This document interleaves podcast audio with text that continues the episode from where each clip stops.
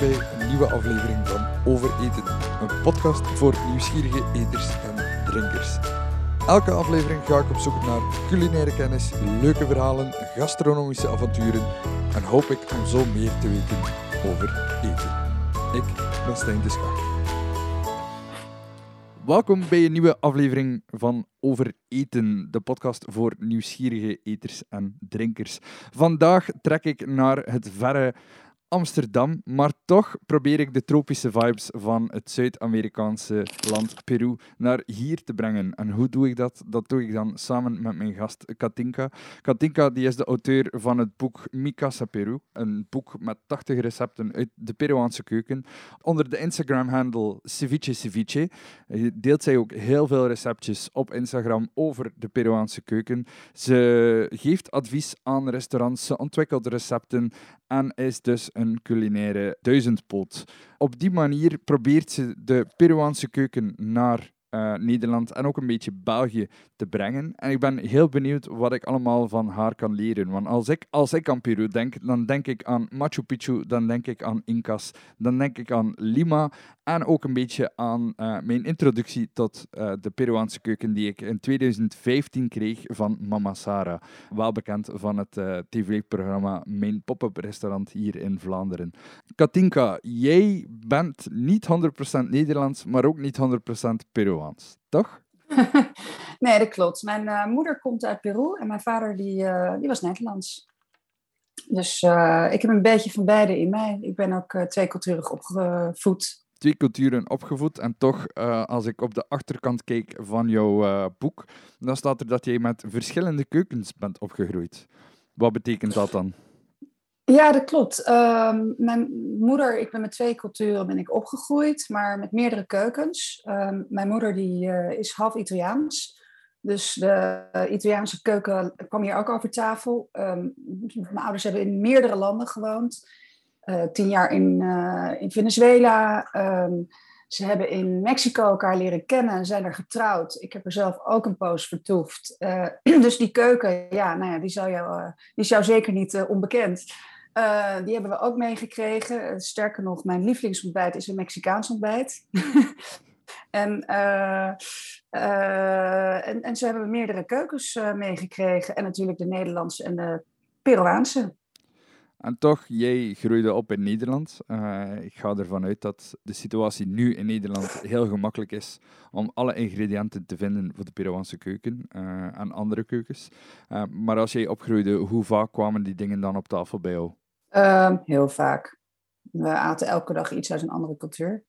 Uh, en s ochtends uh, in het weekend maakte mijn moeder bijvoorbeeld altijd uh, arepas, de Venezolaanse maisbroodjes. En soms ook zoals een Mexicaans ontbijt met huevos rancheros en tortillas en alles erop en eraan. Ehm, heel vaak, ik zou het percentage niet weten. Nederlands werd er ook gekookt. Mijn moeder die is toevallig gek op Nederlands eten ook. En dat maakte mijn vader vaak. Um, ja, maar zelf ben ik niet zo'n liefhebber van de Nederlandse keuken eigenlijk. Heel erg dat ik dat zeg. Maar toch is het zo. Ik vind het niet zo spannend. Als je dan opgroeide, was het toch gemakkelijk om, uh, voor je ouders en, en ook voor jezelf in het begin om dan al die ingrediënten te vinden? Al die chilipepers en, en, en noem maar op? Nee, nee, absoluut niet. Dus mijn moeder die, uh, had haar vaste adresjes. Ze heeft ook zelf pepers geteeld. Uh, maar uh, ze maakte vaak dingen, uh, als ze niet aan ingrediënten kon komen, met de ingrediënten die ze voorhanden had. Maar ze hadden bijvoorbeeld wel, want je kon niet koriander of basilicum in de, in de supermarkt kopen vroeger, limoenen ook niet. Maar daar had ze wel haar adresjes voor. Dus bijvoorbeeld als er um, pesto gemaakt moest worden, wat, wat altijd voorhanden was, het was altijd wel ingevroren dan ging ze naar een, uh, bevriende boer die uh, heel, veel basilicum teelde. En dan kwam ze met bergen met basilicum thuis. En, uh, en dan rook het hele huis naar basilicum. Dan werd de pesto gemaakt en ingevroren. Um, maar um, pepers, ja, en mais lastiger. aardappelen, nog steeds Peruaanse aardappelen lastig. Maar je hebt altijd wel varianten voor dingen. Het is zonde om een keuken te laten liggen, omdat je niet de perfecte ingrediënten hebt. Uh, het lijkt me vreemd dat je het hebt over aardappelen, want ja, de, de Belgische, Nederlandse keukens, die staan toch gekend als keukens waar aardappelen enorm gebruikt worden. Waar zit het grote verschil dan? Ja, inderdaad. Nou ja, goed. Uh, om te beginnen. In, uh, de, aardappel komt natuurlijk uit Peru. Of natuurlijk, de aardappel komt uit Peru. Er zijn 4000 soorten aardappelen. En er is bijvoorbeeld één aardappel. Die is heel erg romig en die is geel. Mooi, echt gewoon een beetje diep geel, een beetje okergeel. En, dat, en, en heeft een hele mooie romige smaak. En ehm, ja, daar is gewoon geen goed alternatief voor in Nederland bijvoorbeeld. En dan heb je speciale recepten of gerechten die er echt op die aardappel geënt zijn. Dus um, kun je met alle liefde wel een beetje namaken, maar echt goed wordt dat nooit. Dus het is echt uh, zoeken, experimenteren tot je iets vindt wat ongeveer in de buurt kwam. Ja. Dat vormt dan waarschijnlijk ook de basis van hoe jij nu naar eten kijkt. Als je, als je constant ziet hoe je ouders, uh, of toch je moeder, met alternatieven moet, moet komen aanzetten. Ja, ja, dat klopt. Ik heb ook uh, mijn boek bijvoorbeeld. Er staan recepten in, maar ik heb heel erg rekening gehouden met ingrediënten die je eigenlijk gewoon om de hoek kan krijgen in de meeste gevallen. En als het niet zo en mocht je toch met Peruaanse ingrediënten willen koken, heb ik daar adresjes voor in staan. in Nederland, waar, je, waar je bepaalde gerechten kunt krijgen Mensen of, uh, uit België die luisteren, die moeten niet panikeren, want ik ga wel in de show notes een aantal adresjes zetten achteraf, uh, waar je waar in België die producten kan, uh, kan vinden. Maar goed, dus jij groeit op. jij, voor jou is dat allemaal doodnormaal om die kruisbestuiving tussen culturen te hebben. Maar als ik het goed begreep, in de tijd van, van Sarah, is ook de Peruaanse keuken aan zich ondertussen een kruisbestuiving geworden van verschillende culturen. eerst en vooral, je had de Inca-cultuur, die aanwezig was. Uh, waarna de Spanjaarden even de boel kwamen overnemen en ingrediënten meebrachten, toch? Ja, dat klopt. Dus Spanjaarden hebben bijvoorbeeld citrusvruchten meegebracht en ui en knoflook. En dat zijn ingrediënten waar we in Peru niet meer omheen kunnen. dus denk aan ceviche. De signature dish uh, in, uh, in Peru. Dus dat hebben ze meegenomen. Maar ze hebben ook bepaalde gerechten meegenomen. Dus bijvoorbeeld empanadas, die zijn natuurlijk heel erg Spaans geënt. churros, heel veel zoete dingen, die, die komen uit... ja, die zijn eigenlijk geënt op de, op de, de Spaanse of de, de, de Moorse cultuur. Want zij brachten natuurlijk ook slaven mee. en die hadden ook hun invloeden. Niet alleen dat, maar een goede, ik denk een goede honderd jaar voor de, de verovering van Amerika's, dan waren er nog moren aanwezig in Spanje die daar ook al een paar honderd jaar leefden. Dus die hebben ook wel hun invloed op de Spaanse keuken gehad. Dus eigenlijk begin je al met een, uh, een hele kruisbestuiving uh, die de Peruaanse keuken in vuur en vlam zet. Ja, klopt. En dan, hoe, hoe, wat zijn zo een aantal recepten of klassiekers die uit die tijd zijn overgebleven? Vormt dat nog altijd de basis of is dat ondertussen al zoveel verder ontwikkeld dat het uh, bijna niet meer herkenbaar is van wat het toen was? Nee, nee, ik denk dat het zeker nog wel uh, de, de, basis er heel stevig is. We noemen dat de Creoolse keuken. En uh, de Creoolse keuken is nog steeds wat, wat de basis van alles wat we nu, uh, van alle gerechten, of van heel veel gerechten. En ook de andere fusion keukens, die zijn gebaseerd op de Creoolse keuken weer. Maar uh, nou ja, ik denk dat de, de, de ceviche is een heel goed voorbeeld. Die was vroeger, werd hij werd vis gegaard met een, een, een soort passievrucht, een familie van een passievrucht, de tumbo. En inmiddels, uh, toen de Spanjaarden kwamen, toen werd er uit toegevoegd. En uh, werd eerst werd de, de Sevilla-sinaasappel, die vrij zuur is, werd gebruikt om uh, de marinade van te maken. En later werd het een limoen. en dat is toch wel een heel goed voorbeeld van wat er overgebleven is. Wat elke dag gegeten wordt door heel veel Peruanen. Je, je hebt hier al een paar keer uh, ceviche vermeld. Je, je Instagram-account die heet ook ceviche ceviche. Um, ik ga ervan uit dat dat heel belangrijk is voor de Peruaanse cultuur. Maar wat is een ceviche nu juist? Ceviche is vis gegaard in uh, een marinade met zuur. En uh, wat het uh, fantastische eraan is, het is gewoon vis die wordt gekookt eigenlijk zonder vuur. Dus door het, uh, het zuurgehalte in de limoen bijvoorbeeld, verandert de structuur van de vis, waardoor hij, deze gaar wordt. En de marinade heet leche de tigre, oftewel tijgermelk. En er zit altijd limoen en, en peper in. Peper zoals zwarte peper of peper zoals chilipepers? Peper zoals chilipepers. Worden die dan zo vaak gebruikt in de Peruaanse cultuur? Ja, dat is uh, echt uh, ingrediënt nummer één. Ik weet niet of je het kan zien, maar ik heb ze ook altijd voorhanden. Op dit dus, moment grijpt, uh, grijpt Katinka achter haar. Ze zit in haar keuken. En achter haar staat er op het aanrecht gewoon een, paar, ja, een paar mandjes vol met pepers. Ja, dat is echt het eerste ingrediënt. En het gaat, uh, het gaat natuurlijk wel een beetje om de pit, maar het gaat in eerste instantie om de aroma die het brengt en dan het pitje. En uh, er zijn eh, een paar honderden verschillende soorten pepers. En voor elke gerecht heb je wel weer een andere peper die je gebruikt. Uh, ja, ik ben er dol op. Ik vind het echt fantastisch. Ik hou ook wel van, uh, van iets met een stukje pit. dat, dat, dat weet ik. Jij weet dat. Uh, mensen die het niet weten, daar raad ik je aan om het tweede nummer van uh, Tummy Magazine even te lezen. Daar heb ik een artikel geschreven over het gevecht aangaan met een hete hamburger. Um, maar... leuk stuk trouwens, heel leuk stuk. dankjewel. Maar ja, dus pepers die, die zijn inderdaad super lekker. Die, die, die zijn um, heel divers van, qua smaak.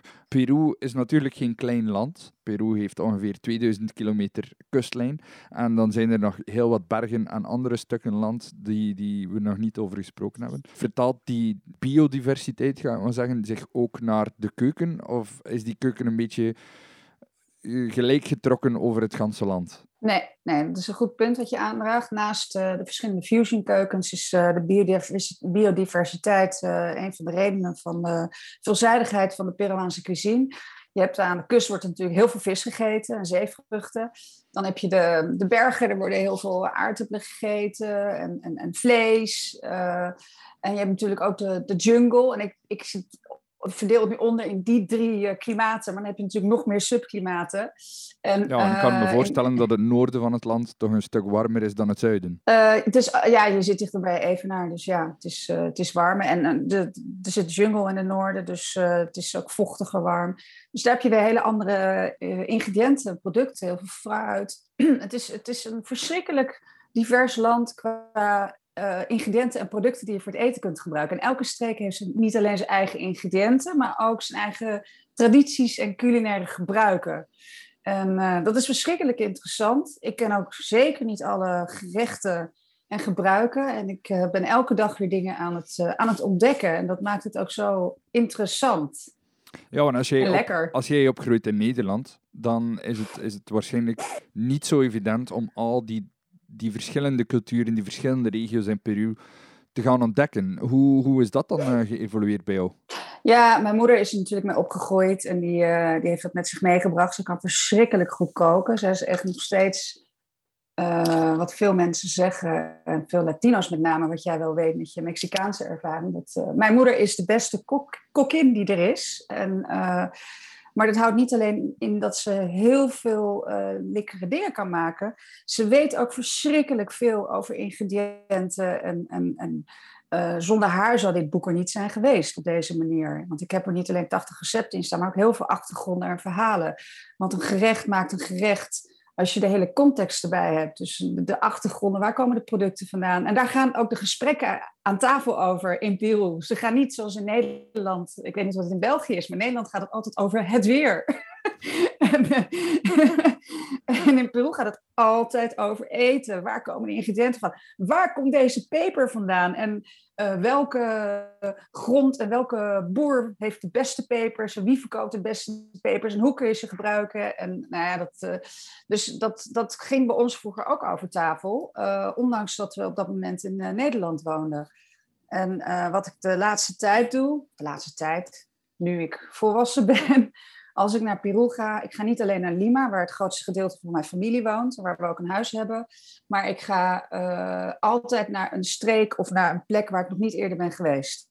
En uh, niet alleen voor het culinaire, omdat ik het gewoon interessant vind uh, om telkens meer te zien en te ontdekken.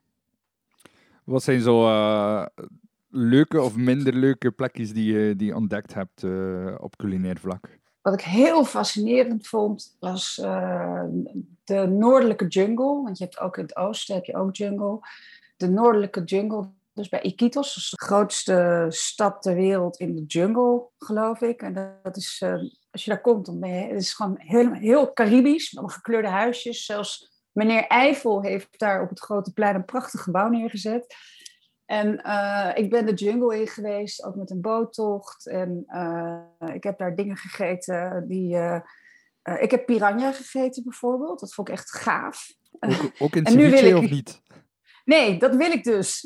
ik wil piranha eten met... Oh, ik laat je even iets zien. Dat kan de kijker niet zien. Eén momentje. Ga ik even pakken. Ik wil graag, heel graag piranha eten, ceviche met de duurste peper ter wereld. Dat is uh, Agi Charapita.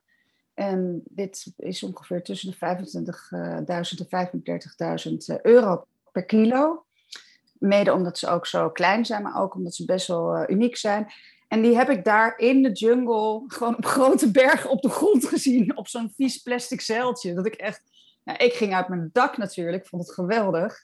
Die mensen begrepen er niks van, voor hen is dat heel normaal.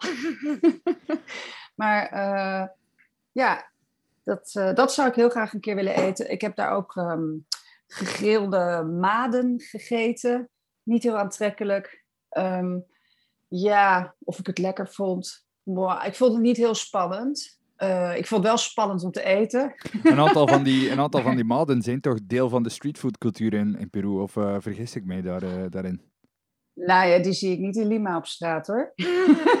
maar wel in Iquitos dus, inderdaad. op grote tonnen worden ze gegrild. En dat is inderdaad streetfood. Dus ik vond eigenlijk, heb ik de, de spannendste dingen toch wel in de jungle gegeten. Ja. Maar wat ik ook heel mooi vind in de bergen, en, uh, richting Cusco, richting Machu Picchu, je noemde het al, is de uh, Pachamanca. Dat is het uh, begraven van, van vlees of aardappelen of, of, of, knollen in een grote kuil. En dat bedekken met, met kolen en stenen en hout en aarde. En dat uren laten garen en dan weer uitgraven. En dat is ontzettend lekker. Ik ga dat deze zomer ook in Nederland testen voor het eerst. Dat vind ik wel heel gaaf. Gewoon even een putje graven in de tuin, uh, neem ik aan. ja, niet in mijn tuin. Die heb ik niet. Bij de buren. Ja, wel, wel een leuk idee om te doen. Um, wat, wat ik ook altijd uh, aan denk, is, uh, is een geroosterde hamster. Is dat iets wat je vaak ziet in Peru, of is dat gewoon een mythe? Of is dat iets uh, wat tegenwoordig voornamelijk aan toeristen geserveerd wordt, of avontuurlijke eters? wat is het verhaal van de hamster in, in Peru? het is een cavia. geen hamster, maar een cavia. Maar ja, het is natuurlijk gewoon ook een knaagdier. We eten ook konijn. en dat heet een koei, of in de volksmond koei koei. Um, nou, dat is zeker waar. Het wordt gegeten door, uh, ja, wat, door, door, het wordt heel veel gegeten in Peru. Uh, toch wel door mensen die wat minder geld hebben. Um, en het is echt een gimmick voor de toerist geworden. Want oh, het is zo leuk om een, een, gevulde cavia met pootjes in de lucht te eten. Maar het is gewoon natuurlijk een knaagdier. Ik heb het zelf nooit gehad. Mijn moeder die heeft het ook nooit gehad. En, uh, maar wat je steeds meer ziet, is dat het uh, op. Uh, het wordt dus gegeten ehm, in zijn geheel. En dan opengesneden wordt het gevuld met kruiden, met wakatay. Dat is een Peruaans kruid, onder andere. En dan wordt het inderdaad gegild. En het schijnt wel lekker en mals te zijn. Maar je ziet het steeds meer in andere toepassingen in sterrenrestaurants gereserveerd worden. Dus die koei koei moet ik zeker een keer gaan proberen ik denk dat het dan wel in de buurt kan komen van wat een konijn is. Een, uh, een, een, makkelijk te houden dier, uh, die niet veel consumeert, om het zo te zeggen. En dan, dan toch een, een mooie hoeveelheid vlees oplevert. Daarom dat die arme mensen uh, dat waarschijnlijk gaan gebruikt hebben. want voor de komst van, de, van, de, van de Spanjaarden, dan, dan waren er geen koeien en paarden en varkens, toch? Nee, nee die, zijn allemaal geïntroduceerd. die zijn ook geïntroduceerd door de Spanjaarden. Net als uh, bijvoorbeeld druiven voor de wijn of pisco. Er waren geen druiven. Druiven uh, die worden gebruikt voor wijn, maar zoals je zei, pisco is misschien wel uh, het grootste exportproduct van, van Peru. Ik zou niet weten wat het grootste exportproduct is. Ik weet dat asperges zijn heel erg groot. Pisco is heel erg groot. En uh, het is gemaakt uh, van, uh, de, van de, de, most van de druiven. Dat was een, ja, we nu wel eerlijk zijn. Asperges worden over de hele wereld gemaakt. pisco mag maar in twee landen ter wereld gemaakt worden. Dus we kunnen wel spreken van een echt Peruaans product. Het is een echt Peruaans product. En uh, het is, uh, ja, ik ben dus net, uh, ben ik pisco sour yoghurt gaan halen. Dat wordt verkocht. Over culturele toe-eigening gesproken. Ik was heel erg benieuwd. Nee, Pisco is, uh, uh, Pisco is natuurlijk uh, een, een, heel groot product in Peru. Het, er is al eeuwenlang een gevecht tussen Chili en Peru van wie de Pisco nou echt is. het is natuurlijk van Peru. het wordt door 76 landen erkend, waaronder door de EU en de Verenigde Staten. Uh, er is voor het eerst over gesproken in, uh, in Peru. Uh, Pisco is een plek in Peru. Het wordt in Pisco-vallei gebouwd. En dus er is ook verschil tussen de Pisco's in Chili en Peru. Er zijn drie grote verschillen. Um, in Peru wordt het één keer gedestilleerd. Er mag geen suiker toegevoegd worden. En er mag geen water toegevoegd worden om het alcoholgehalte op de smaak te beïnvloeden. Dus het alcoholpercentage is altijd rond de 43 procent. En, uh, en het smaakt dus ook gewoon anders dan in, uh, in Chili. Worden dezelfde druiven gebruikt daarvoor in Chili en, en, en Peru? Of zijn nee. er ook andere? Dat is een goede, goede vraag. Nee, um, andere druiven. Er zijn acht verschillende soorten druiven die in Peru gebruikt worden. En die mogen alleen uit een van de drie valleien komen. En die valleien die bestrijken een gebied van van Nederland naar Spanje. Dus je kunt je voorstellen dat je hebt ook heel veel hoogteverschillen, dat het hele verschillende soorten druiven zijn. En daarmee heb je dus echt verschillende soorten smaken pisco's. En uh, sommige worden van puur één soort druif gemaakt, sommige van een combinatie van meerdere druiven. Dus het is echt een hele, het, je hebt een net zoals met wijn, heb je een hele uh, pisco-cultuur. Die verschrikkelijk interessant is, met heel veel verhalen. Dus één, één verhaal die ik zelf echt heel grappig vind is dat uh, vroeger in Lima, als de mensen uit de kathedraal kwamen na de middagmis op de zondag, dan liepen ze naar het grote plein in het oude centrum van Lima en dan stonden er allemaal bartenders klaar om uh, pisco sours te maken. En er renden altijd mannetjes vooruit en die riepen de koningen komen eraan. En dan bedoelden ze de mensen komen uit de kerk, uit de kathedraal. En uh, dan gingen ze dus pisco sour maken. Maar ze konden de grote stroom van mensen niet aan. Dus ze besloten toen dat ze een groter formaat pisco sour gingen maken voor de mensen. en dat noemen ze dus een kathedraal. En uh, in de volksmond in Peru zeggen ze: één kathedraal is, uh, één is om, te, om verliefd te worden, Twee is om uh, te trouwen. Drie is om uh, ruzie te maken. En vier is om te huilen. En anderhalf is het beste om zaken te doen. maar, maar, de kathedraal dus. En nog steeds wordt die geserveerd in uh, Peru, in Lima. En uh, dat, is een, uh, dat is dus een, een, een speciaal formaat. Uh, pisco, sour, extra groot dus. Als je zegt dat er een hele cultuur rondhangt, dan, dan stel ik me voor dat er, dat er bars zijn die zich specialiseren in honderden verschillende soorten pisco. Moet ik het zo zien? Um, nou, het is, het is niet zoals in Mexico dat je echt winkels of, of, bars hebt die, die zich echt specialiseren in tequila of mezcal. Maar je, je hebt wel uh, bars waar vooral veel verschillende soorten cocktails met pisco, verschillende soorten sours worden geserveerd.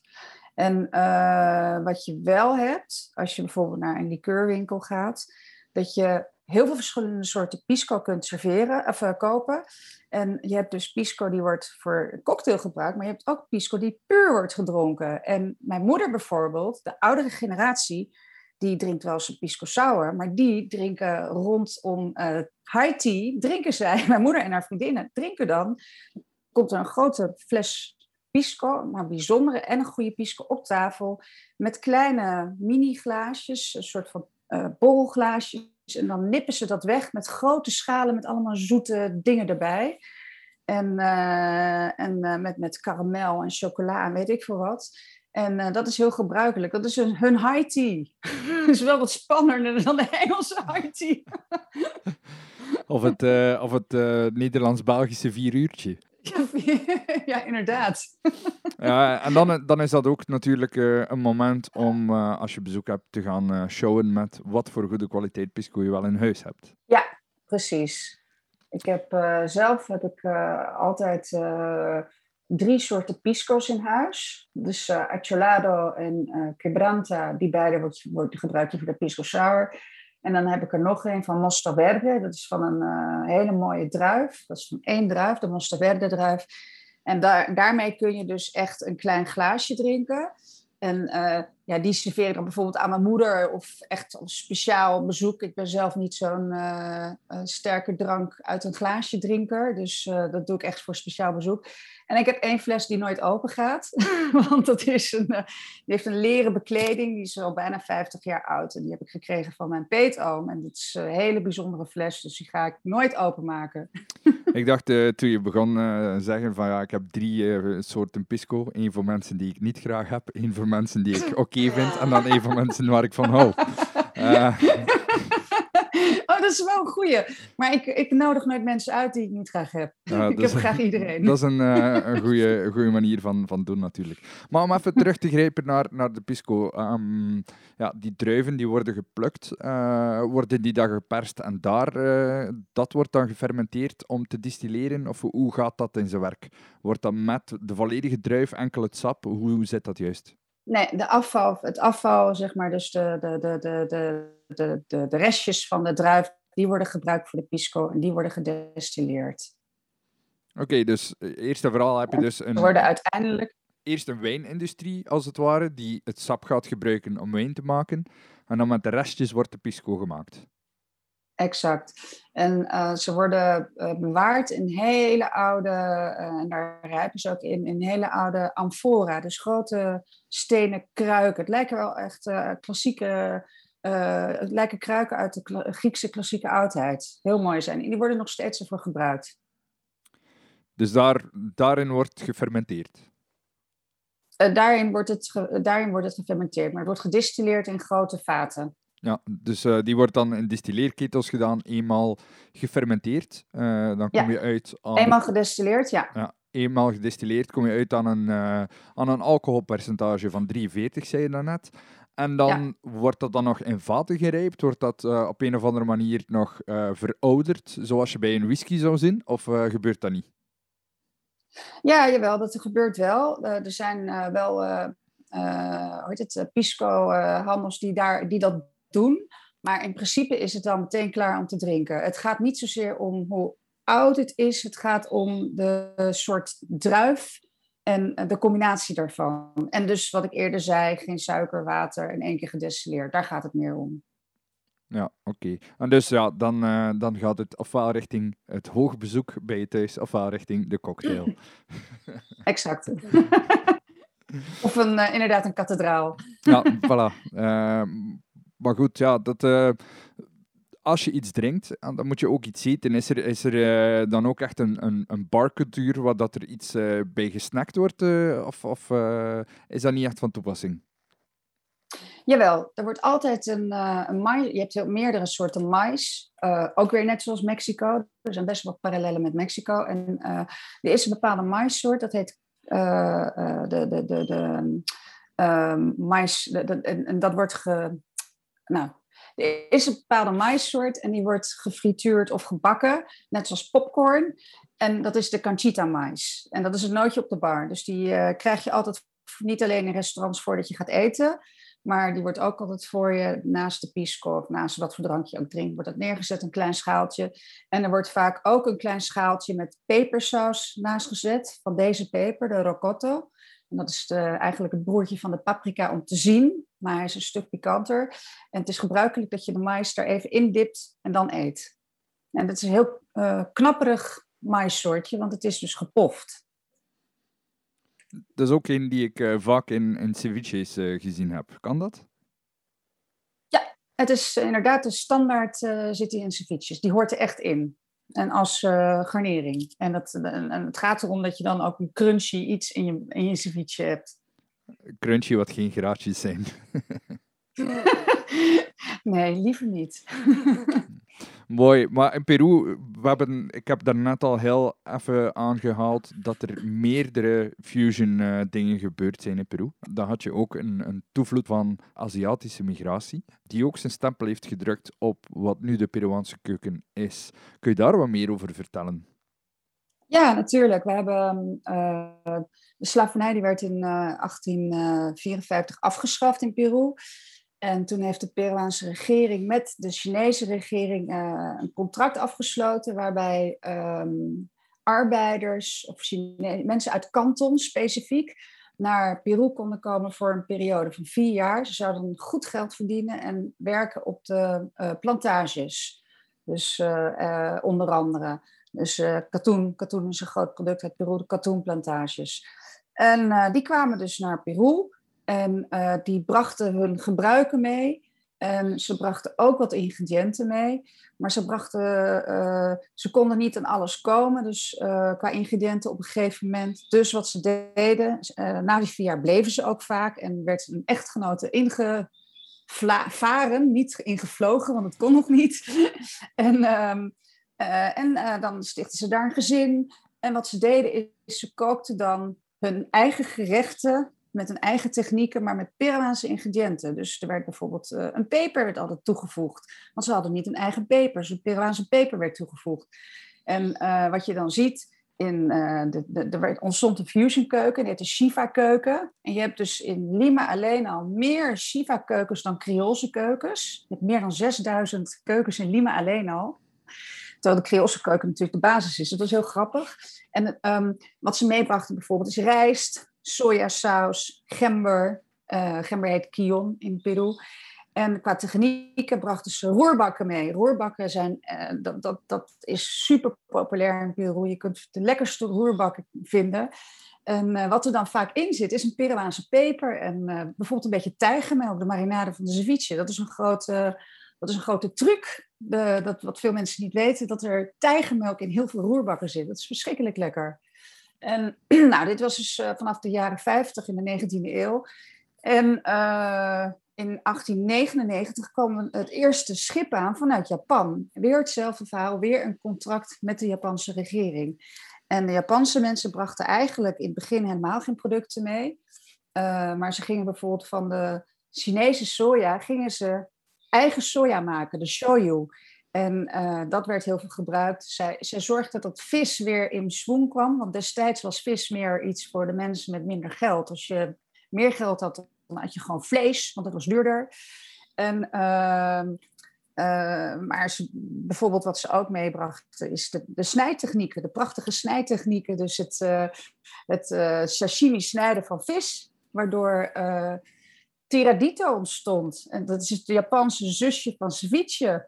Uh, nou ja, zij brachten dus op een gegeven moment, uh, uh, ook toen ze wel aan de ingrediënten konden komen, brachten ze soja niet alleen, dat maakten ze zelf, maar ze brachten bijvoorbeeld miso mee of ook, ook zij, veel gember en, rijst bijna zijn en zo. En dat is een keuken, de fusionkeuken die Nikkei is gaan heten. En is eigenlijk pas echt echt populair geworden uh, vanaf de jaren zeventig.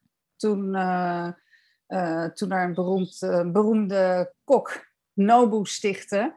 En eigenlijk de Peruaanse, Peruaanse-Japanse Nikkei-keuken de wereld inslingerde. En dat is nog steeds de hipste keuken in grote wereldsteden, behalve in Amsterdam. maar je ziet, je ziet gewoon, dat is heel gek, want je ziet in Londen, in Parijs, Berlijn, Barcelona, Madrid, New York. In grote steden, wereldsteden, Dubai, zie je overal zie je Nikkei gewoon als een dolle gaan. Het is heel populair. Het is gewoon een mooie keuken. Uh, het evolueert nog steeds. En is een, uh, het heeft gewoon prachtige en sexy gerechten. Wat mij opvalt, is dat elke keuken wel zijn eigen benaming uh, kreeg. En dat het niet gewoon onder één universeel ding valt. Is dat ergens een beetje ook cultureel een opdeling gebleven van die mensen zijn Nikkei, die mensen zijn Shifa, die mensen zijn Criollo? Nee, ik denk het meer dat het, uh, ik denk dat het meer is. Uh, de, je hebt natuurlijk wel een opdeling in restaurants. Van, hè, die, de, dit is Shiva, dit is Nikkei en dat is Creools. En ook koks en chefs die zich specialiseren in een soort keuken. Maar um, ik denk wat nog belangrijker is dat de, dat de Peruanen in het algemeen, dus ook de mensen met een migrantenachtergrond, uh, en het maakt niet uit hoeveel generaties dat teruggaat, dat die heel erg met respect omgaan met hun keuken en de culturele tradities. En daarom heeft het een naam gekregen. Want hier in Nederland bijvoorbeeld, ja, je hebt een pizzeria en er worden pizza's geserveerd. Je hebt een uh, shawarma tent, er wordt shawarma geserveerd. Maar je hebt niet aparte namen of echte fusion keukens. Uh, en dat vind ik het mooie aan de Peruaanse gastronomie. Het is niet één keuken, het is precies wat jij zegt. Het zijn meerdere fusion keukens. En er wordt met heel veel respect omgegaan uh, met de gerechten en uh, culturele tradities. Het is super belangrijk. Toen je daarnet je, je pisco sour yoghurt uh, vast had, dan liet je het woord culturele appreciatie even vallen. Dat is, dat is iets wat in, wat in Peru dan niet gebeurd is volgens jou. daar gaat het over appreciatie en niet appropriatie. Ja, precies. En ik noem het ook wel celebration instead of appropriation. Ja, nee, absoluut. Het is gewoon heel mooi. En, uh, maar wat wel belangrijk is, uh, en da dat, kun je, dat, dat, dat is uh, appropriatie. Nee, wat heel belangrijk is, is dus die, die tradities. Net zoals het maken van een ceviche. Het is niet zo dat je vis met wat zuur en, en een peper, als je dat samengooit, dat, dat je ceviche hebt. Je hebt gewoon een aantal regels die je moet volgen. En dan kun je, als je die weet, dan kun je daarmee spelen. Maar dat is belangrijk. De, het hart moet kloppen, de, de core moet goed zijn. En ik, ga, ja, ik, ik betrap mezelf er ook op. Ik, ik, zei, ik liet jou voor de grap de Pisco Sour yoghurt zien, die ik vanochtend even gehaald heb. Want uh, dat vind ik een goed voorbeeld. Of we, we hebben ook in, een, uh, in de winkel bijvoorbeeld liggen tijgermelkpoeder. Nou, dat is toch best cevichepoeder, dat is best wel bijzonder. Je gooit er water bij en je hebt bijna ceviche. Dat vind ik een beetje eng altijd ik vind, het, uh, ik, vind, ik vind het prima. Ik vind het fantastisch als er Peruaanse dingen gemaakt worden. Maar ik vind het niet oké als het voor een commercieel doeleinde is. En het, het klopt gewoon totaal niet. Dus bijvoorbeeld die pisco sour yoghurt. Uh, ja, waar gaat het over, denk ik dan? En ik, uh, ik heb hem nog niet geproefd. Dat ga ik nu doen. Letterlijk, want je, je neemt gewoon een, uh, een tasje en, en, en, een lepel. Ja, het, het, leek me gewoon, het, het leek me gewoon bizar. Een, uh, een pisco sour, een cocktail met, met pisco, om dat dan in een, in een yoghurtvorm te gaan gieten. Ja, dat is best wel bizar. En het smaakt ook niet naar pisco, gelukkig. Dat is een beetje vroeg daarvoor. het is altijd wel ergens vier uur ter wereld. oh, hier is het vijf uur. ja, nee, het is, uh, nee, het is, uh, het, is het, lijkt er niet op. Um, ik, het, ja, het is gewoon een, een bedenksel en er staat op Alma Latina, dus Latijnse geest. Nee, ik, ik, ja, ik vraag me af waarom. Uh, omdat het, het verkoopt. En dan hoeft het niet authentiek of echt te zijn, want het brengt op, denk ik dan. Ja, dat is ook zo. Ik, heb, uh, ik zag, er lagen allemaal producten. Er lag ook bijvoorbeeld Loma Saltado. Dat is uh, geroerbakte haas. Dat is een signature dish van de Shiva-keuken. Dat is uh, varkenshaas trouwens, niet het dierhaas. Nee, inderdaad. Het is varkenshaas. En het is geroerbakt met een aantal ingrediënten. Nou, ik zag het, maar het, het, de ingrediënten zaten niet in. En het was 3 euro 49 voor een stuk varken, ossehaas. Dat vind ik toch wel best wel bijzonder, want uh, ossehaas is best wel duur. Dus uh, dat je een heel gerecht voor iets, uh, drie, vijf, ja. Maar goed, er ging van stijgen. Ik kreeg daar de afgelopen dagen heel veel vragen over. Of het wel, wat ik daar nou van vond. En of het nou echt Peruaans was. En ik heb van heel veel Peruanen heb ik ook foto's gekregen. maar ook van jou. over de over deze actie. Dus ik moest vanochtend. Ja, de reden waarom ik het naar jou stuurde was omdat jij op, op jouw Instagram-account uh, al een paar dingen gedeeld had. En ik had het ook zien voorbij komen. Uh, en ik, ik stel mij ook uh, vragen bij. Als je kaas hebt met taco-smaak, over welke taco gaat het dan? Want taco's zijn gewoon een heel breed palet van verschillende smaken. taco de cochinita ja, smaakt niet als een, ja. als een taco al pastor, smaakt niet als een taco al vapor of een taco de canasta of noem maar op. Dus uh, het, het, het leek mij een beetje vreemd om dan een kaas met taco-smaak uh, te, te maken. Het was heel bijzonder. Ze hadden drie kazen liggen. Ze hadden de kaas met de uh, queso de taco hadden ze liggen. Ze hadden een queso de wasabi hadden ze liggen. En ze hadden een queso de, wat hadden ze nog meer liggen? De sambal. Maar sambal is toch echt niet Latijns? Mm, wasabi lijkt mij ook niet zo uh, Latijns. Uh, tenzij het natuurlijk gebruikt wordt in de, in de Nikkei-keuken.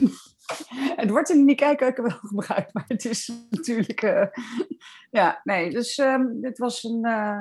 ik hoop dat die, de actieweek snel voorbij gaat. En, maar je ziet het veel hoor. Ik zie, net zoals ik het zei, die tijgermelkpoeder, maar... Een andere supermarkt die heeft nu in de magazine liggen met ook een actie, ook allemaal Latijns-Amerika producten en recepten die gewoon niet Latijns-Amerikaans zijn. En dat op zich geeft dat niet, waar het niet dat het uh, gebruikt wordt voor commerciële doeleinden om de producten goed te verkopen. En dat vind ik heel jammer, want mijn missie is juist de Peruaanse keuken en van andere mensen weer de Mexicaanse keuken en nou ja, andere Latijnse landen, om die op een juiste manier uh, aan, naar de Nederlandse en Belgische tafels te brengen. Dus met de juiste achtergrond en de juiste smaaktonen en de juiste verhalen. En het is jammer uh, dat dit soort acties niet meehelpen. Want als je, als je begint over de, de Peruaanse keuken bij mensen die, die er niets van, van kennen, stel je al enkele vooroordelen vast tegenover die keuken? Of, of hoe, moet ik dat zien? Um, dat valt wel mee. Um, het enige wat ik vaak hoor is natuurlijk uh, de cavia. Dat vinden mensen grappig, uh, dat, uh, heel veel. Maar bijvoorbeeld bij mijn masterclasses, wat ik doe om voordat we gaan koken, uh, of überhaupt eten, uh, gaan we proeven. Dus ik laat een aantal pepers en pepersausen proeven. Ik laat een aantal uh, maissoorten proeven. en ik laat wat aardappels proeven, want ik heb, een, ik heb een adresje gevonden voor die ene Peruaanse aardappel, die gele romige aardappel, in Nederland. er is dus één boer die dat teelt. en dat laat ik dan ook proeven, zodat mensen een beetje een gevoel erbij krijgen. En bijvoorbeeld, maar ook meerdere toepassingen laat ik proeven. Dus van de mais laat ik niet een crunchy mais proeven, maar ik laat ook de paarse mais limonade proeven, om maar even een voorbeeld te geven. Zodat mensen een beetje idee krijgen en dan gaan ze proeven. En dan vraag ik, hè, wat, proef, wat, sma wat proef je en uh, waar denk je aan? Zodat mensen een beetje gevoel bij krijgen. En, dat ze, uh, en ik merk dat die vooroordelen dan uh, meteen, als ze die al zouden hebben, dat die dan meteen weg zijn. Want het gaat dan om de basissmaken van de keuken. En uh, heel leuk is dat. Er zijn altijd wel nog een aantal, uh, zoals uh, de cavia die we aanhaalden. Maar ik denk dat hm. programma's zoals Street Food Latin America op, op Netflix ook wel helpen bijdragen aan een beter begrip van wat de Peruaanse keuken nu juist kan zijn. Ik weet niet of je die aflevering gezien hebt. het ging meer ja, over de maar wel heel mooi in beeld gebracht wat het nu juist kan zijn. Ja, ja, ze zijn langs gegaan bij een van mijn favoriete Shiva-tentjes. op sowieso mijn favoriete markt. Ja, dat is fantastisch. Deze jongen is de, is de zoveelste generatie van een bekende horecafamilie. En uh, hij heeft ervoor gekozen, daar waar zijn uh, vader en twee ooms een, echt een, een, heel goed restaurant hadden, heeft, heeft hij ervoor gekozen om op uh, de Surquillo-markt, dat is in Lima, om daar een streetfood tentje, Shiva tentje te openen. En hij, hij, heeft geen concessies gedaan. Dus het is echt streetfood. Het is een kleine ruimte. Hij staat daar de hele dag te roerbakken en te flamberen. En daar kun je aan een klein barretje kun je het opeten. Het wordt voor je neus klaargemaakt. Wat je ook veel in uh, Aziatische landen bijvoorbeeld ziet. En zijn eten is gewoon zo waanzinnig. Ik, ik begin er nu zin in te krijgen, nu we erover hebben. Dank je, Stijn. Een, uh, een vlucht naar, uh, naar Peru is maar een paar uur langer dan deze podcast. ja, nou, je wil er nu ook niet zijn hoor. Het, is, het gaat niet goed met Peru. Dus ehm, Nee, maar dat, die aflevering is, eh, vind ik heel goed gedaan. En uh, wat ik nog leuker had gevonden, is als ze zeg maar een hele serie hadden gemaakt per land. Want uh, het laat nu zo'n klein aspect zien. En je wil, eigenlijk wil je meer zien. Maar het is, het is echt goed gedaan en leuk. Dus nee, die, die heeft zeker geholpen. En daar ben ik heel blij mee. En ik vind ook dat die verslaggeefster, ik heb met haar contact gehad. En ik vind dat zij het zo onwijs leuk doet. Echt gaaf. Ik uh, moet nu ook even denken dat uh, in Peru ook een, uh, een, een, beetje een donkere periode was. Jaren 80, begin jaren 90. dictatuur, rebellie, burgeroorlog bijna. heeft dat een impact gehad op de keuken, denk je? Ja, heeft zeker impact gehad. Um, er waren in die tijd waren er twee guerrilla-bewegingen. Het is ook de tijd waarin wij heel weinig in Peru zijn geweest. Het was gewoon niet veilig. er waren veel ontvoeringen, bombardementen. Ehm, is echt een, om, de, om, de paar, ja, om de paar decennia is er weer telkens weer een zwarte periode in Peru. Uh, net tussen de jaren uh, 50 en, en ja, nu weer dus. Maar um, dat heeft, het heeft wel zijn invloed gehad, omdat het uh, door die zwarte periode met de economie heel slecht ging. Dus mensen konden minder uit eten. Er waren, dus, dus het eten ging gewoon de straat op.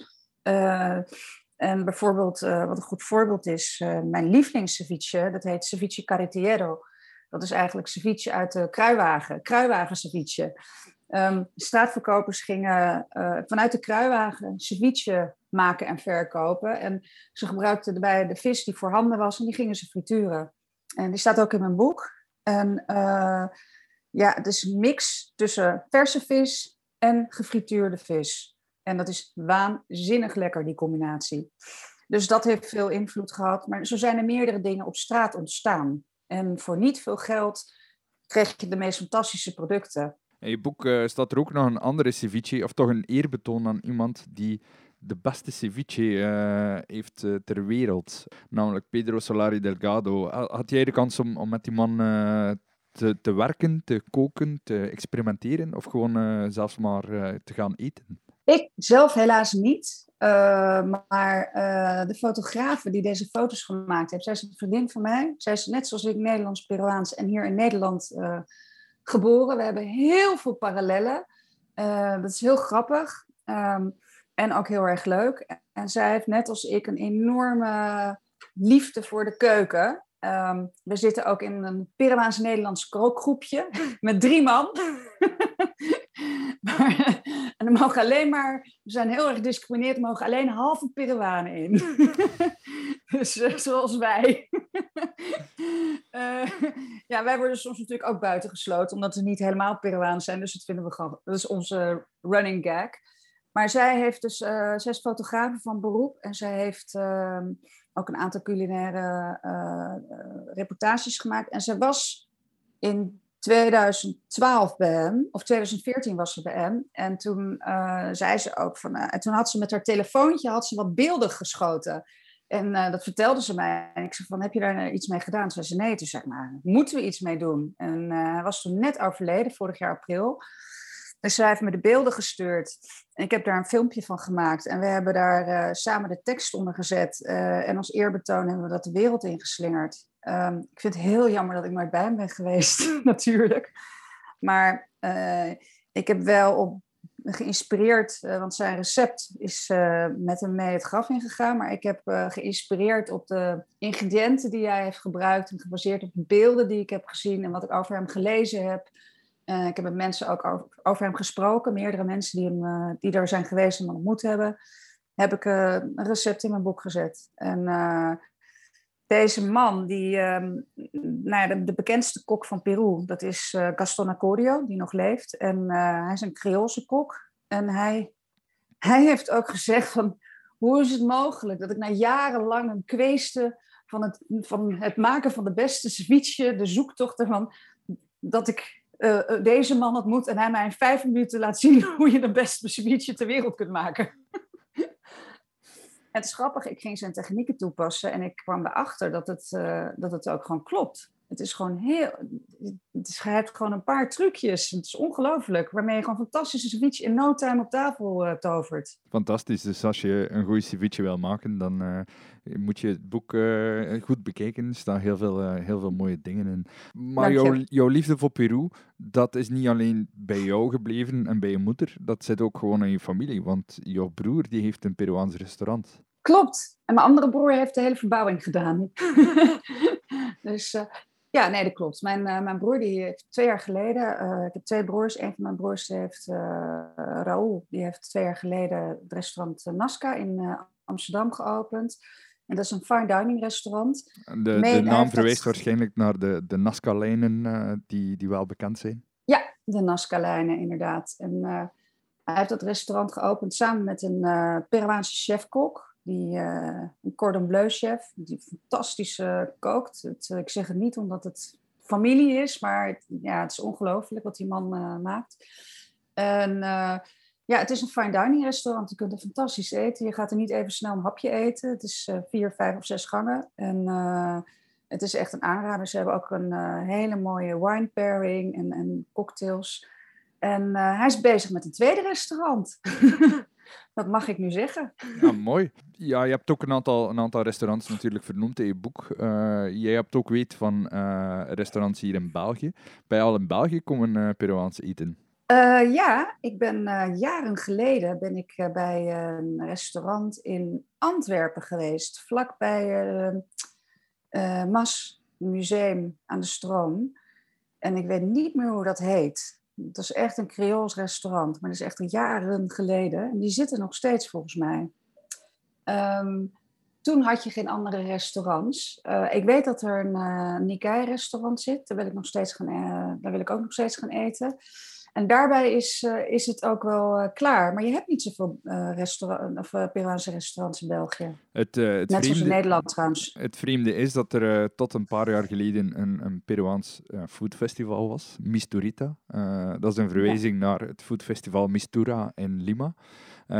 die georganiseerd werd met de hulp van de Peruaanse ambassade hier in België. Maar ik weet niet wat er gebeurd is met het festival. Ik uh, ben er één keer geweest. Ik heb mij overvol gegeten op dat festival. En het was fantastisch om te zien hoe een uh, Peruaanse gemeenschap samenkwam rond het eten. Verschillende standjes met uh, papas rellenas, standjes met chicha morada, chicharron, heel veel verschillende dingen. Lomo saltado was er ook te verkrijgen. gevulde rocoto-pepers. Echt de Peruaanse keuken zoals die is maar ik weet niet waar al die mensen heen zijn, al die foodstalletjes. Ik ken uh, mama Sarah. Sarah die uh, in het, uh, in het VTM-programma mijn pop-up restaurant in de keuken stond. En een favoriet van chef Sergio Herman werd doorheen het programma. Omwille van haar moederklokgevoel binnen het restaurant waar ze werkte. Wat zij doet is fantastisch, maar zij is niet alleen. Ik vraag me gewoon af waar al de rest heen is. Ja, dat is heel gek. En dat is precies wat ik me ook altijd afgevraagd heb, is uh, vanaf, uh, je hebt uh, elke jaar heb je de Horecava-beurs, de beurs waar de horeca bij elkaar komt. En, in België hebben we een, equivalent daarvan, wat de, de Horeca Expo heet. Gewoon om ah, even, even duiding te geven. maar Horecava ja. is inderdaad een trade show voornamelijk voor horeca-ondernemers.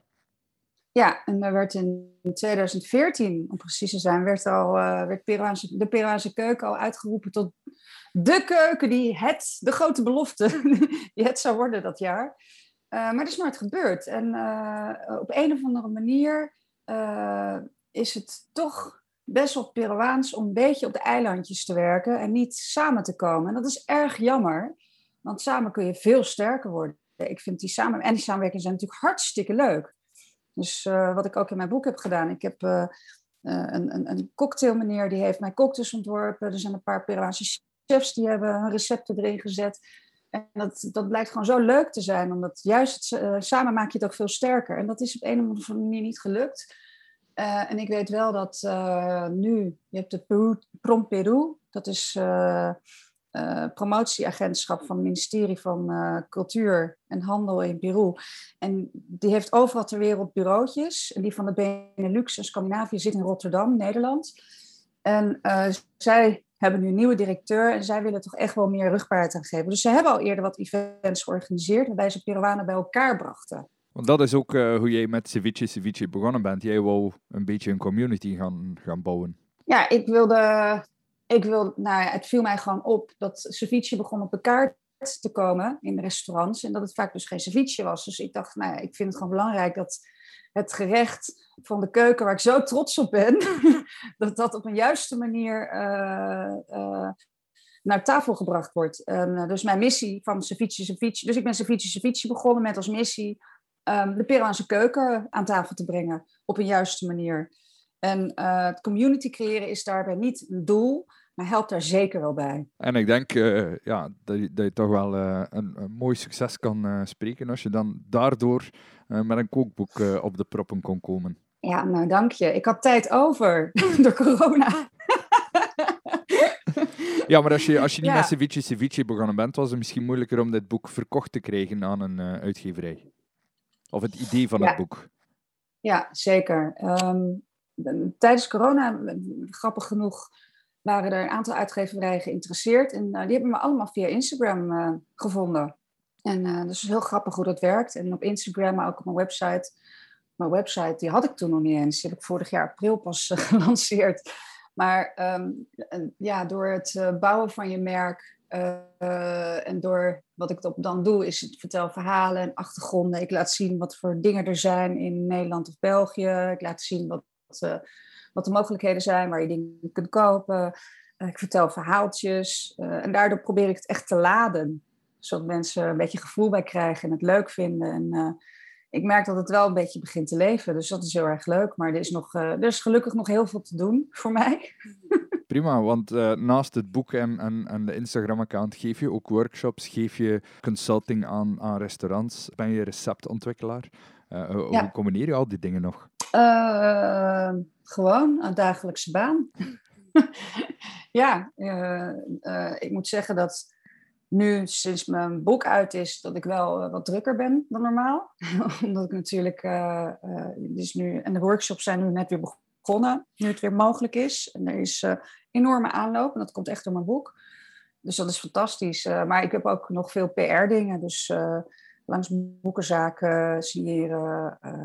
Maar het is, ja, het is allemaal heel erg leuk. Ik heb er gewoon energie voor. Maar ik zorg wel dat ik mijn momenten pak hoor. Ik, ik, elke dag zorg ik gewoon dat ik een heel goed lunchmoment heb met mijn, uh, met mijn lief. En uh, dan gaan we gewoon, dan eten we gewoon goed. Dat is onze grote maaltijd. En vaak is het Peruaans, ja. En een stevig ontbijt met pisco sour yoghurt. Kijk, het smaakt, het smaakt, ik heb wel een vieze nasmaak eraan. Het is echt wel een beetje viezig. ik hou gewoon van lekkere dingen, dat kan ik zeggen. Ik ga even een slokje chicha morada nemen. Chicha morada is die paarse maïslimonade waar Katinka het er net over had. Uh, is iets wat je, wat je heel vaak gaat terugvinden in Peru. Uh, maar ook uh, op Misturita was het heel makkelijk om deze limonade te vinden. En in een aantal van de Peruaanse webshops die Peruaanse producten hebben, of de, de, de, de Latijns-Amerikaanse shops, daar kun je ook vaak chicha morada in fles kopen. Toch? Lekker hoor, ja, ja zeker. Maar het is ook heel makkelijk te maken als je de paarse mais kunt komen. Uh, die paarse mais is trouwens uh, paars uit zichzelf en daar is geen kleurstof aan toegevoegd voor de bezorgde luisteraar. Precies. Um, in Peru zijn we gewend om uh, bijna alles vers te maken. Dus niks uit potjes en pannen. Ja, wel uit pannetjes. Niet, niks uit potjes en flesjes. Dus um, het, is, het, is, het heeft ook te maken met het het respecteren van uh, moeder, moeder aarde, Pachamama. Dus de Peruaan die, uh, die is heel trots op wat moeder aarde haar geeft. Dus zo'n limonade bijvoorbeeld, die wordt gemaakt van die paarse mais zonder kleurstof, zoals je al zegt. En uh, verschillende fruiten, ananas, appel, sinaasappel, limoen. En dan kaneel en kruidnagel. Dus fantastisch lekker. het is de nationale limonade en dat drink je eigenlijk met heel veel ijsklonten. Maar dat hoeft niet voor mij, want het is ook koud. Je, je zegt ja, niet veel uit potjes. En toch heb jij een uh, saus ontwikkeld om in potjes te steken. Hoe is dat dan gelopen? Daar heb je mij. Nou, het is natuurlijk helemaal natuurlijk, zonder conserveringsmiddelen, dat bedoel ik natuurlijk, en uh, zonder smaakstoffen. Ja, hoe is dat gekomen? Ik, um, ik vond het gewoon heel. Um, uh, nou, het is eigenlijk begonnen als, als, een, als een grapje en weer een samenwerking. Ik kwam erachter, ik, ik vind duurzaamheid super belangrijk. En uh, ik kwam erachter dat deze oranje pepers, die eigenlijk een gele peper heet, de Agia Amarillo. maar ze zijn oranje, maar zodra je ze maalt, worden ze geel. En ik kwam erachter dat die ook in Nederland geteeld worden. En dat is natuurlijk fantastisch, want dan hoef je ze niet in te vliegen. Dus ik ging ze testen en ik vond ze heel, heel erg goed eigenlijk. Dus uh, ik dacht, uh, nou, daar wil ik wel mee. En ik, ik, heb ik adviseer deze pepertelen, Westland peppers ook, met uh, pepers. Dus ze zijn inmiddels verbouwen ze de rocotto. En ze verbouwen die kleine dure agicharapitas. Bijzondere unieke pepertjes. En nou ja, ik, die oranje peper dacht van, nou, dat is echt een basisingrediënt voor heel veel gerechten. Maar die moet je tot pasta maken. En het recept staat wel in een boek. Maar ik heb een ander recept, een geheim recept. En moet, soms moet je dingen toch een beetje voor jezelf houden. En die um, hebben we samen uh, toegepast, samen met Westland Peppers. En uh, met hun pepers, mijn recept, hebben we die pasta ontwikkeld. Dus we hebben op een ochtend in, wanneer was het toen? Toen was het nog winter en heel koud. ben ik om vijf uur s ochtends vanuit Amsterdam vertrokken en op naar Westland En bij een sambaalmakerij, omdat die professionele apparatuur hebben, hebben we echt uh, 100 kilo pepers staan pellen. Met onze blote handen. Ja, dat was fantastisch natuurlijk, de hele dag lang. Dus we hebben die pepers, de pasta gemaakt en uh, die wordt verkocht. En uh, we vonden drie dingen belangrijk. Namelijk dat het goede saus zou zijn. Dat hij er mooi uit zou zien, zoals het kloppend. Dus de structuur en de kleur zijn precies zoals de Peruaanse... en de smaak ook, zoals de Peruaanse pasta. De smaak is alleen één ding aangepast. Het echt pikante hebben we eruit gehaald. Want het moet wel toegankelijk zijn voor het grote publiek. En het grote publiek is niet zo heel pikant zoals jij en ik, eh, Stijn. Dus, uh, uh, dus daar we rekening mee gehouden. En het moest ook niet te duur zijn. Want al die potjes uh, wordt wel verkocht van fabrieken. En daar zit dan wel mijn conserveringsmiddelen in en weet ik veel wat. maar die zijn best wel duur, die potjes, vind ik. En vond Westland Peppers ook. Dus we hebben de prijs heel toegankelijk gehouden. En het loopt zo goed dat het vast in de assortiment wordt opgenomen. dus zo kan een grap uh, mooi, mooi voortgaan. En uh, je zegt wel, het is begonnen als grap, maar toch moet je, moet je ergens het gevoel gehad hebben van, van dit kan ik beter, dit kan ik beter dan wat er op de markt bestaat, of niet? Ja, want die potjes, ja, ik wilde wel iets authentieks, want wat er allemaal op de markt is, dat, dat is gewoon, ja, dat is net zoals de pisco yoghurt. Het, het heeft niks te maken met de pasta, de echte pasta en met de echte pepersmaak. En deze, ik vind dat eigenlijk zelfs een belediging, want deze peper, deze specifieke peper, die is zo mooi fruitig van smaak en een beetje zoetig. Uh, en dan komt het pitje later en het blijft een beetje op je tong hangen, op het puntje van je tong. En dan verdwijnt het weer. Dus echt een beetje een golfje. En daarom is het ook mijn lievelingspeper. En hij is heel romig. Ik vind dat echt prachtig. Ja, pepergekken onder elkaar. ik, uh, ik ken de peper, ik ben ook wel fan. Ik hou, uh, ik hou ook wel van de smaak.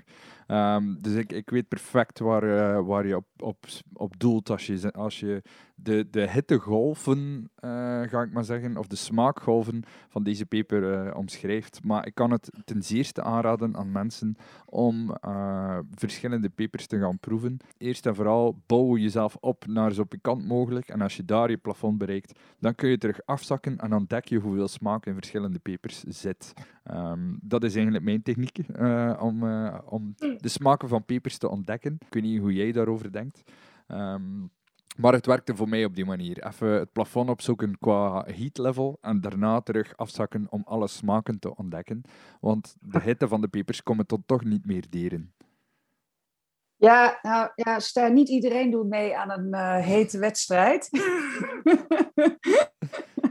ik weet ook niet ik dat zou kunnen. Ik heb er ook wel een, eh, echt wel uh, bewondering voor of zo, dat jij dat hebt gedaan. het, uh, het, was een, een speciale belevenis, dat moet ik wel zeggen. ja, zoiets vergeet je niet. En, maar dat kwam ook helemaal tot leven in jouw stuk in de Tummy Magazine. Ja, nee, ik, wat ik doe is, um, ik, ik zoek niet zozeer het plafond op. ik, ik probeer gewoon. Uh, en uh, het maakt dan, ik weet dan vaak ook niet eens hoe heet een peper is van tevoren. Maar ik vind het heel leuk om nieuwe pepers uit te proberen. En zoals in Peru heb je 350 chilipepers. En ik heb ze natuurlijk lang niet allemaal geproefd. Dus er valt nog heel veel te ontdekken voor mij. Maar ook niet alle pepers worden, worden commercieel groot uitge, uitgebuit, ga ik maar zeggen. de, de, de Agia Amarillo die is misschien wel de meest gekende Peruaanse peper, de, de, de Achirocotto, uh, op, op tweede plaats zou ik zo zeggen. Maar dan, dan heb je een aantal andere pepers die dan, hoe moet ik het zeggen, dan regionaal misschien wel sterker staan, maar buiten die regio's minder gebruikt worden, toch? Ja, ja dat klopt. Je hebt, uh, je hebt uh, nou, de is ook heel bekend in Peru. En dat is een uh, soort habanero-achtig scherp pepertje. Die heb je ook in meerdere kleuren, in rood, oranje, geel, paars. En dan heb je nog wat pepers. Ik laat ze jou zien. Ze zijn gedroogd. Um, Mensen die luisteren, uh, die moeten niet panikeren, want op uh, de Instagram-account van de podcast, daar gaan we ook foto's posten van deze chilipepers.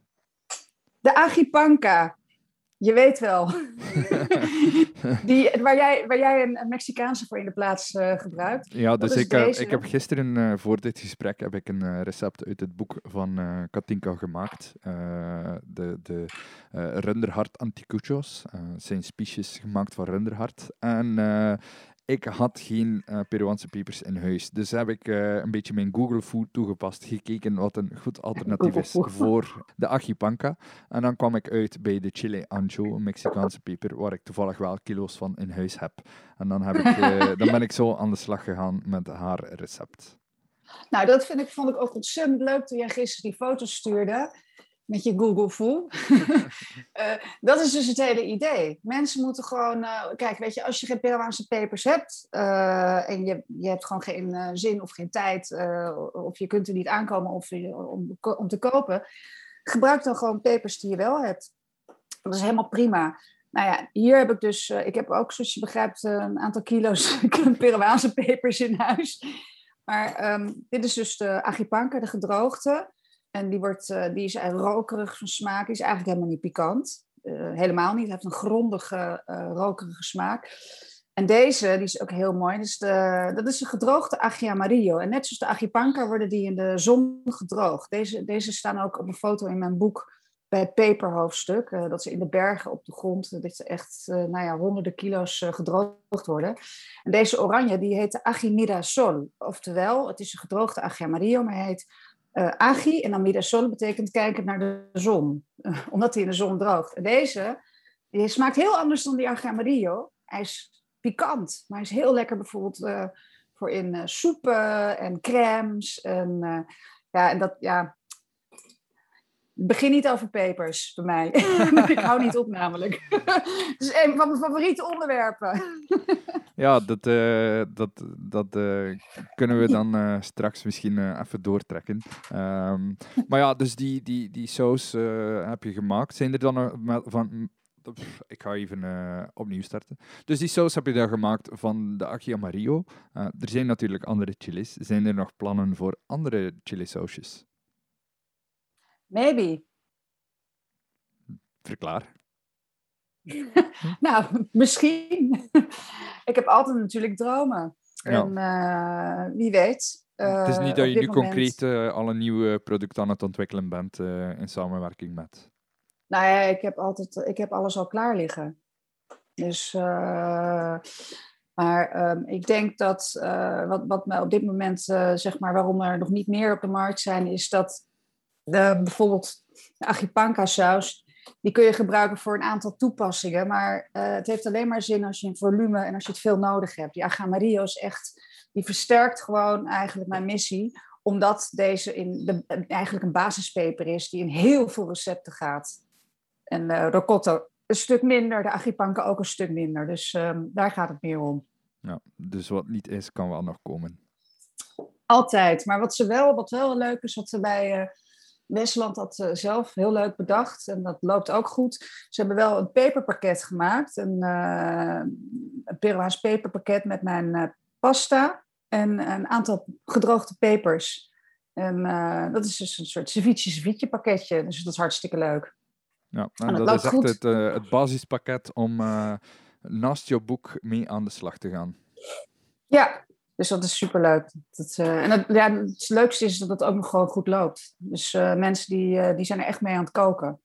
Ja, dat is fantastisch. Je kreeg waarschijnlijk al die dingen binnen via jouw Instagram-account dan. Ja. ja, dat is het allerleukste, Stijn. Dat echt dat ik foto's krijg, zoals van jou gisteren, dat, mensen aan, dat je aan het koken bent uit mijn boek. Dat is echt gewoon geweldig, toch? Dat mensen gewoon ja, aan, het, aan het koken zijn en uh, cocktails aan maken zijn. Dat, dat is echt fantastisch. Ik had laatst iemand die had vijf dagen achter elkaar uit mijn boek gekookt. Ik dacht, wauw, fantastisch. Dat, dat, nou, dat is echt het allerleukste. Een uh, Peruaanse week uh, geïnspireerd door Katinka. Dat klinkt wel fantastisch. Dankjewel. Maar goed, dat is, natuurlijk de, de, dat is natuurlijk de kerst op de taart, de kroon op je werk. Als er mensen ook echt mee aan de slag gaan. Dat is gewoon heel gaaf. En het is uh, ook leuk als mensen, dat mensen ook inderdaad uh, creatief ermee zijn. Dus zoals jij, met, dat je een variant voor de papers bedenkt. Of nou ja, ik, ik, heb, ik heb al meerdere meerdere creatieve oplossingen voorbij zien komen. En ook de meest mooie opmaken. Het was, het was voor mij echt wel uit noodzaak, want ik zag het, het runderhart liggen in de winkel. Iets wat ik niet vaak zie. Uh, nee, en ik dacht van, ja, ik, ik, neem het mee, want ik wil dit recept proberen. Om dan vast te stellen dat ik eigenlijk uh, enkel maar Mexicaanse pepers in huis heb. Uh, maar ja, dat, dat is ook een beetje hoe, denk ik, de, de, de Nikkei-keuken, de Shifa-keuken ontstaan is. Van, dit is wat ik in huis heb, dit is wat ik wil maken, dus ga ik zo um, aan de slag. Dus ik denk wel dat ik uh, in de spirit van Peru, of in de spirit van de Peruaanse keuken uh, gewerkt heb. Ja. als, ik het, als ik het zo mag uitdrukken. Ja, nou dat denk ik wel. Misschien ben je wel, heb je wel een Peruaans hart. een Peruaans runderhart in ieder geval wel gisteren. Want heb jij, jij hebt toch ook eerder Lomo Saltado uit mijn boek gemaakt? Nee, Lomo, Lomo heb ik nog niet gemaakt. Ik had wel eens uh, vlug uh, empanadas uh, in elkaar gestoken. Um, maar laat ik het uh, zo zeggen, het vouwen van de empanada lijkt makkelijker dan het eigenlijk is. Um, je hebt er ook apparaatjes voor. Ja, want ik zie altijd hele mooie uh, gevouwde empanadas op het internet. Die van mij zag er niet zo mooi uit, maar de smaak was wel uh, helemaal top. Dus... Nou, dat is het belangrijkste. Weet je wat de truc eigenlijk is? Je hebt dus zo'n rond velletje, dan doe je wat vulling in en dan klap je hem dubbel. En het dichtmaken vinden veel mensen moeilijk. Maar je kunt dus met een vork zo de randjes dicht drukken, zodat je ook leuke streepjes erop krijgt. het ziet er fantastisch uit. Dan, dan, dan heb je de empanada al. Je moet er even wat ei overheen strijken en dat is het. Ja, ik zag ook mensen die effectief met de hand gaan, gaan uh, overvouwen. En dat vind ik fantastisch, maar dat, uh, dat lukte mij niet zo goed. Maar ik denk dat... oefening baart kunst, uh, zoals met alles. Nou, zeker. En ik maak veel workshops, worden ook empanadas vaak gemaakt. En mensen vinden het vouwen vaak lastig voor een eerste keer. Dus ik geef altijd een alternatief met de vork. Je kunt het ook met een mes doen. Dan krijg je, het ziet er ook gewoon goed uit. Dus uh, ik laat meerdere manieren zien, zodat mensen ook gewoon uh, zelf kunnen kiezen wat ze leuk vinden. Maar de apparaatjes waar je, waar je het net over had, dat lijkt eigenlijk uh, een beetje op een, op een schelp die gewoon dichtplooit en dan is alles in, in de juiste vorm, toch? Ja, precies. Ik kijk er nu naar. Ja, nee, precies. Die, dat zijn die apparaatjes, ja. En super makkelijk. En is dat ook makkelijk te vinden bij ons? Um, hebben jullie... Ja, je hebt het bij elke keuken, kookspullenzaken heb je het wel. Of bij, ik weet niet, Dylan en Camille zit het ook in België? Ja, er zijn een aantal vestigingen uh, bij ons. Nou, bij Dylan en Camille hebben ze het, het heet een deegpersje. Nou, leuk, prima. Uh, prima, en, dat uh, gaat mijn empanada leven makkelijker maken. ja, empanada live, onderschat die niet. Ja, maar dat is ook zo leuk. Dan kun je ook gewoon uh, helemaal losgaan met allerlei vullingen. En, het wordt natuurlijk in alle Latijns-Amerikaanse landen zo ongeveer gemaakt. Dus uh, dat is, uh, je kunt er lekkere Mexicaanse vullingen in, doen. Of word je niet op pibil erin. Of weet ik veel wat, loma saltado. Je kunt er gewoon helemaal op losgaan. Ja, fantastisch. Um, naar de toekomst toe. Waar ben je nu nog bezig? Want ja, jouw boek is uit. jij bent bezig met een promotietour doorheen het, of je hebt net de promotietour voor het boek doorheen het ganse Nederlandse land achter de rug. Ik zag heel veel foto's op jouw Instagram van boekenhandels waar hij signeerde. Um, hoe voelt dat trouwens als kookboekauteur boeken signeren voor mensen? Heel raar. En ook heel raar als mensen je, nog steeds heel raar als mensen je auteur noemen. Dat is, het is echt heel, heel raar. het is natuurlijk mijn eerste boek. En ja, uh, het is ontzettend leuk. Dat signeren, dat heb ik nog niet, heb ik achter de schermen telkens gedaan. Maar er, mogen, mochten nog geen signeersessies gedaan worden vanwege corona. Dus de echte signeersessies komen nog. Maar uh, dat is heel erg leuk. Uh, net zoals het zien van je boek in een etalage. En zelfs het hebben van een hele etalage, dat is ongelooflijk. Dat, ik, ik geniet met volle teugen en ik kijk er ook echt heel ja, nederig naar. Van, hoe kan dit? Het is echt ja, het is echt bizar. Ik had wel verwacht dat mensen het leuk zouden vinden. dat had ik gehoopt. maar, maar dat het zo zou lopen, had ik echt niet. Ja, daar ben je ook helemaal niet mee bezig. Uh, als je met het boek bezig bent, dan ben je bezig met het boek. Dus, en het plezier hebben daaraan, dat, dat heb ik heel erg zo ervaren. En nu heb ik heel erg plezier aan hoe mensen reageren. Ja. Dus, en er komen nog leuke dingen aan hoor. Ik, ik ben, dus we gaan nog leuke dingen doen bij kookboekenzaken. of bij boekenzaken. en er komt in, in, de zomer gaat het even een beetje rustiger worden. En dan uh, qua dus als, als, mensen deze podcast horen, dan, uh, dan is het ondertussen alweer najaar. Dus in de zomer was het uh, rustig. Ja, en precies. In de zomer was het rustig. En in september dan, is er dan al een nieuwe boost geweest van een aantal, aantal leuke dingen die er gaan gebeuren. En als deze post podcast wordt uitgezonden, dan is er een boekopkomst waar ik ook een groot aandeel heb. Dus het, dus, uh, het schrijven en, uh, en, en, boeken maken, dat uh, ga je niet meer loslaten? Dat weet ik niet. Dit kwam op mijn pad. Twee weken voordat, me, voordat mijn boek werd gelanceerd, werd ik gebeld of ik iemand kende die, die, die dit kon doen. En, en die, die wat kon doen, mee aan een kookboek schrijven? Of, of hoe, leg eens wat meer uit.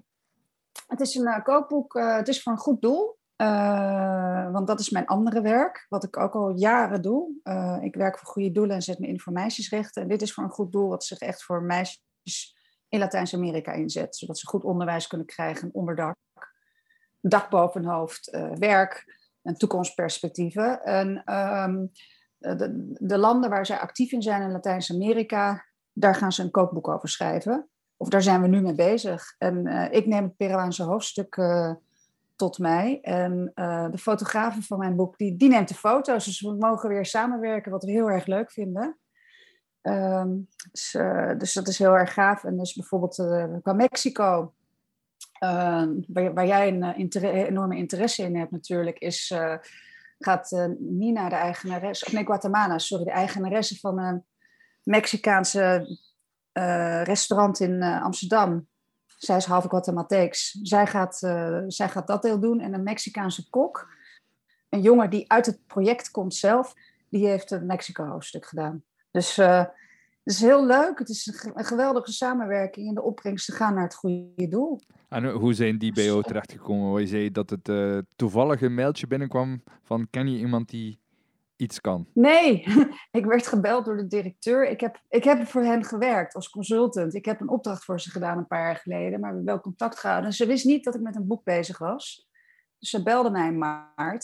Ze zei van, nou, hoe gaat het? En uh, nu, je hebt zoveel geen kookworkshops doen nu. En uh, nou, toen vertelde ze van het plan. En ze zei van, ja, we zijn eigenlijk op zoek, op zoek naar een kok die, die het Peru-house stuk kan doen. Ken jij iemand? Toen zei ik van, nou, ik ben wel geen kok, maar misschien ben ik wel degene die je zoekt. Mijn kookboek komt over twee weken uit. En ze zei, nou, helemaal verbaasd natuurlijk, want ze wist dat niet. Um, dus het was heel grappig. Ik denk dat het zo heeft moeten zijn. En eh, wat ik heel mooi eraan vind, is dat mijn, uh, uh, al mijn dingen samenkomen hierin. Dus mijn, ik vind het koken, vind ik, daar ligt natuurlijk mijn passie. Dat vind ik echt heel erg gaaf. Uh, maar dat meisjesrechten, dat is iets waar, wat ik heel belangrijk vind. En, uh, uh, dus eigenlijk komt alles samen. En Latijns-Amerika, en de meisjesrechten en het koken. Dus voor mij is het wel een bijzonder project. En wanneer komt dit, dit kookboek dan uit? Um, volgende week. Als dit wordt uitgezonden, begin november. Cocina Latina. Cocina Latina gaat het uh, heten. Uh, ja. Verkrijgbaar in, in de meeste boekhandels, uh, hoop ik. Ja. Jij bent de eerste die ik het vertel. En het, het, moet ook even nog geheim blijven. Het, het gaat uh, even geheim blijven, maar uh, als deze podcast uitkomt, maak je geen zorgen. Dan, uh, dan mag iedereen het weten. En dan hoop ik vooral dat iedereen ook even de tijd neemt om het boek te gaan zoeken en te bekijken. Want het, het klinkt veelbelovend. de Latijns-Amerikaanse keukens die zijn fantastisch divers en, en exciting.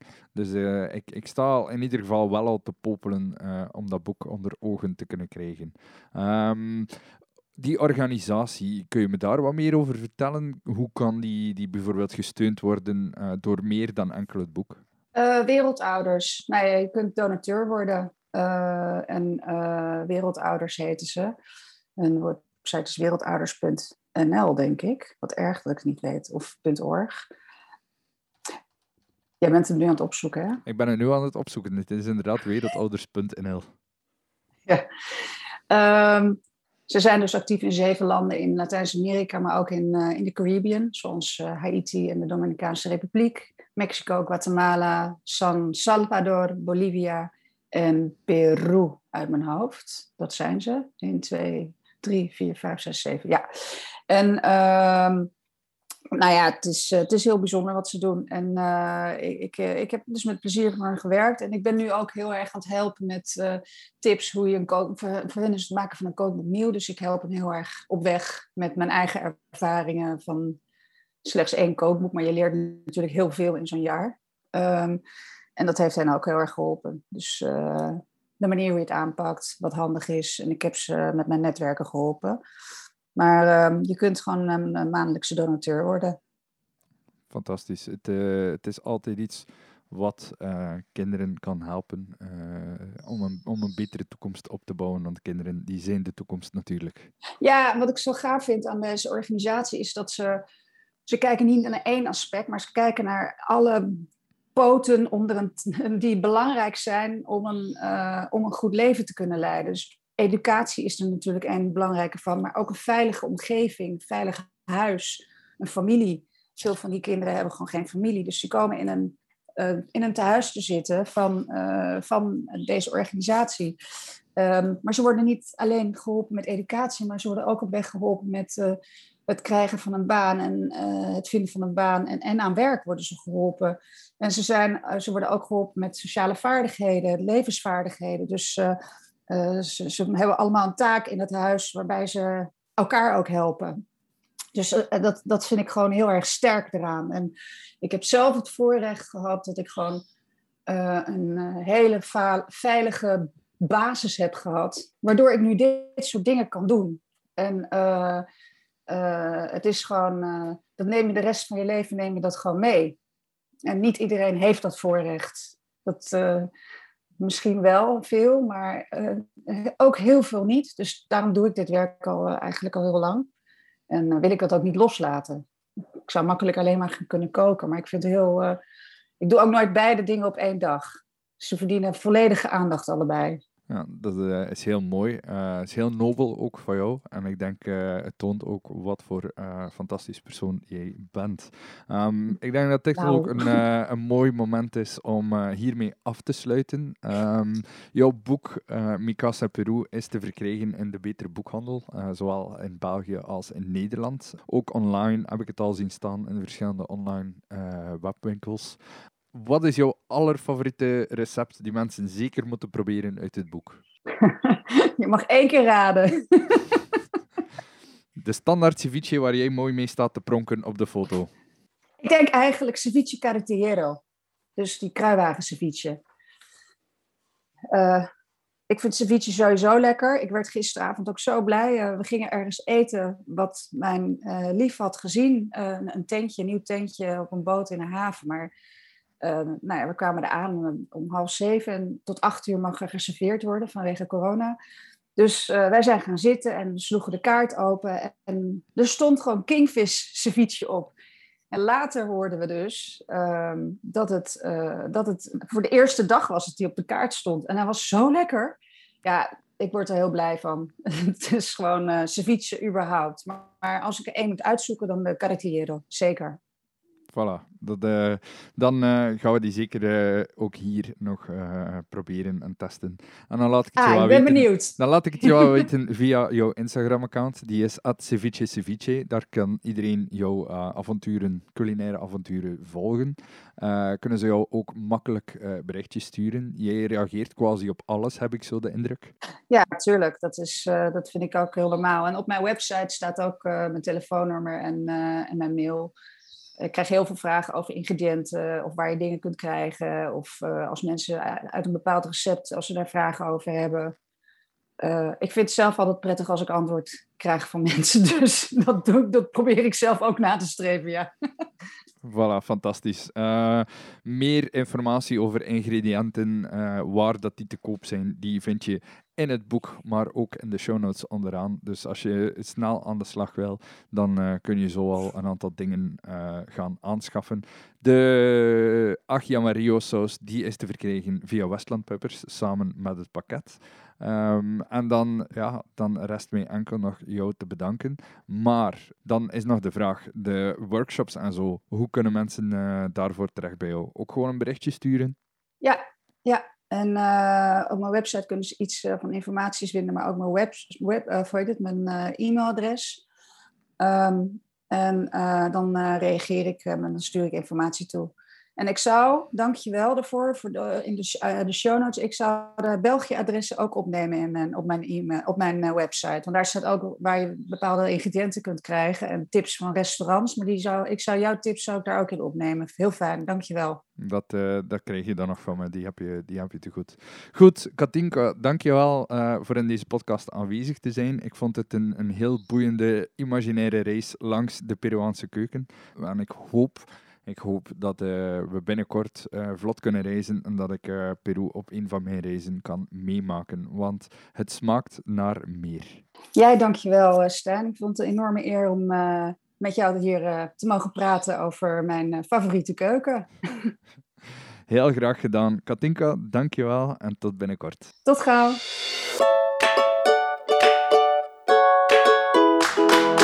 Bedankt om te luisteren naar Overeten. Vond je het een leuke aflevering? Deel deze podcast dan zeker met andere foodies. Tag me gerust op Facebook of Instagram via @overetenpodcast. Honger naar meer? Dat is mijn maandelijkse nieuwsbrief vol eet, drink en luisterplezier. Schrijf je in via de website, dat is www.overetenpodcast.be. Bedankt en hopelijk tot binnenkort.